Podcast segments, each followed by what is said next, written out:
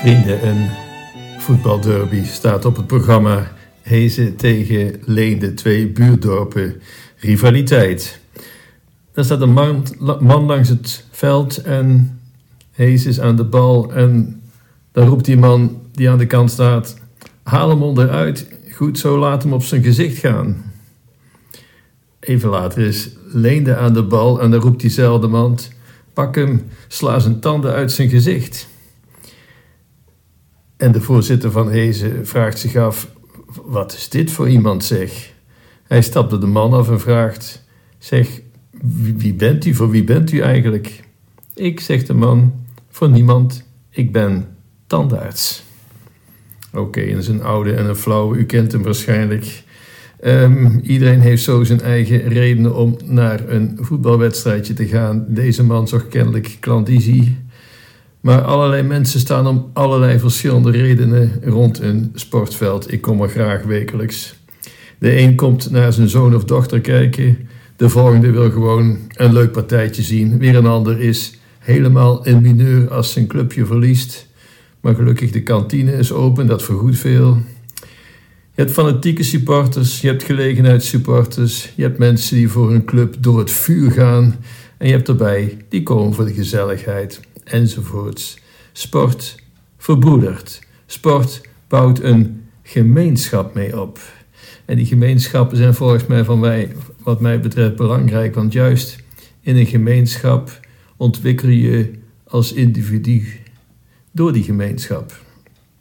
Maar goed, u weet het, er zijn er ook die zeggen: voor mij geen sport, daar komen alleen maar relletjes van. Kijk, vorige week naar die finale van de Champions League in Parijs. Het is een heel gedoe geweest. De wedstrijd begon ongeveer drie kwartier later. En bij al die sportwedstrijden, wat een ellende zeggen ze dan, meestal buitenstaanders. En wat kost het allemaal niet aan gemeenschapsgeld? Laten ze alle sport maar afschaffen, dan ben je ook van die ellende af, zo redeneren ze. Misschien begrijpt u dat ik daarmee ook aan een andere kreet moet denken die ik ook nog alles hoor in onze kranten, vooral in de seculiere media. Want wat hoor je in onze tijd? Geloof. Daar komt maar ellende van. Het is waar, het is veelvuldig in het nieuws geweest en nog. Sommigen focussen zich op misbruikkwesties, anderen richten hun blik op sharia-rechtbanken. Oftewel, ze moeten alle religies maar afschaffen en dan komt er misschien vrede op aarde. Geloof en sport in die zin, ze lijken op elkaar. En natuurlijk, die opmerking van mij geen sport is net zo irreëel als geloof moeten ze maar afschaffen. Net zo onvolledig en net zo kortzichtig. Maar we moeten ook eerlijk zijn. Sport verbroedert, maar soms verloedert het ook. Zoals ook echte gelovigen bewonderenswaardig zijn en slechte gelovigen beklagenswaardig. Geloof verrijkt, maar vaak bezwijkt dit ook voor minder verheven idealen. Hoe komt het eigenlijk dat zoveel mooie dingen, zoveel dingen die in zich mooi kunnen zijn als ons geloof, als sport, als kunst, als cultuur, dat die zo vaak in het tegendeel keren? Hoe kan iemand die zich gelovig noemt blinde haat breken? Hoe kan vaderlandsliefde ontaarden in vreemdelingenhaat? Hoe komt het dat kunst schoonheid kunnen ontaarden in perversie en sport in verloedering in plaats van verbroedering. Dan kom ik bij Pinksteren. Het gaat om de geest. De geest met een hoofdletter. De Heilige Geest. De geest die Jezus zo bezielde. We bidden in deze dagen: Kom, Heilige Geest.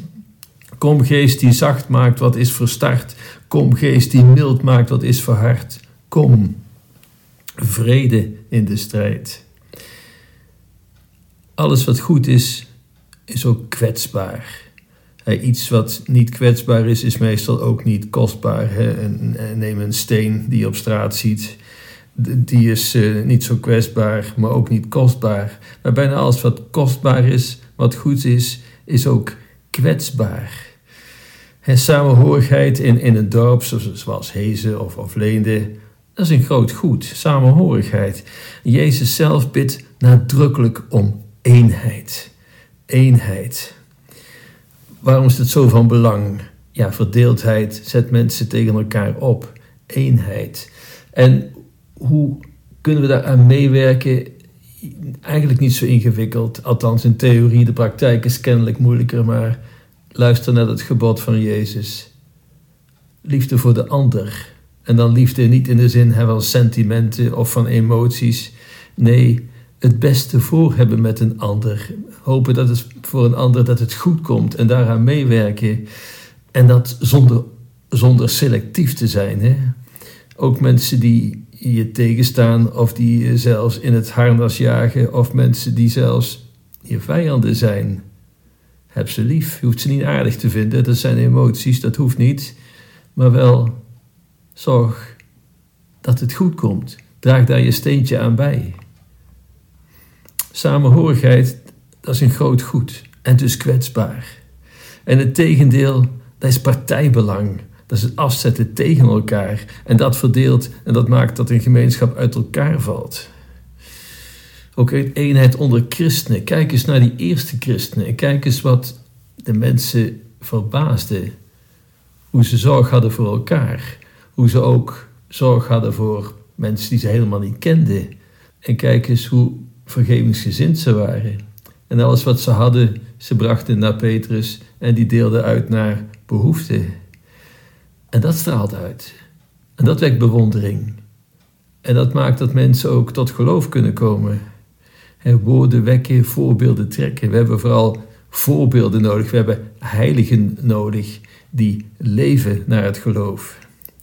Samenhorigheid en teamgeest weten dat je elkaar nodig hebt.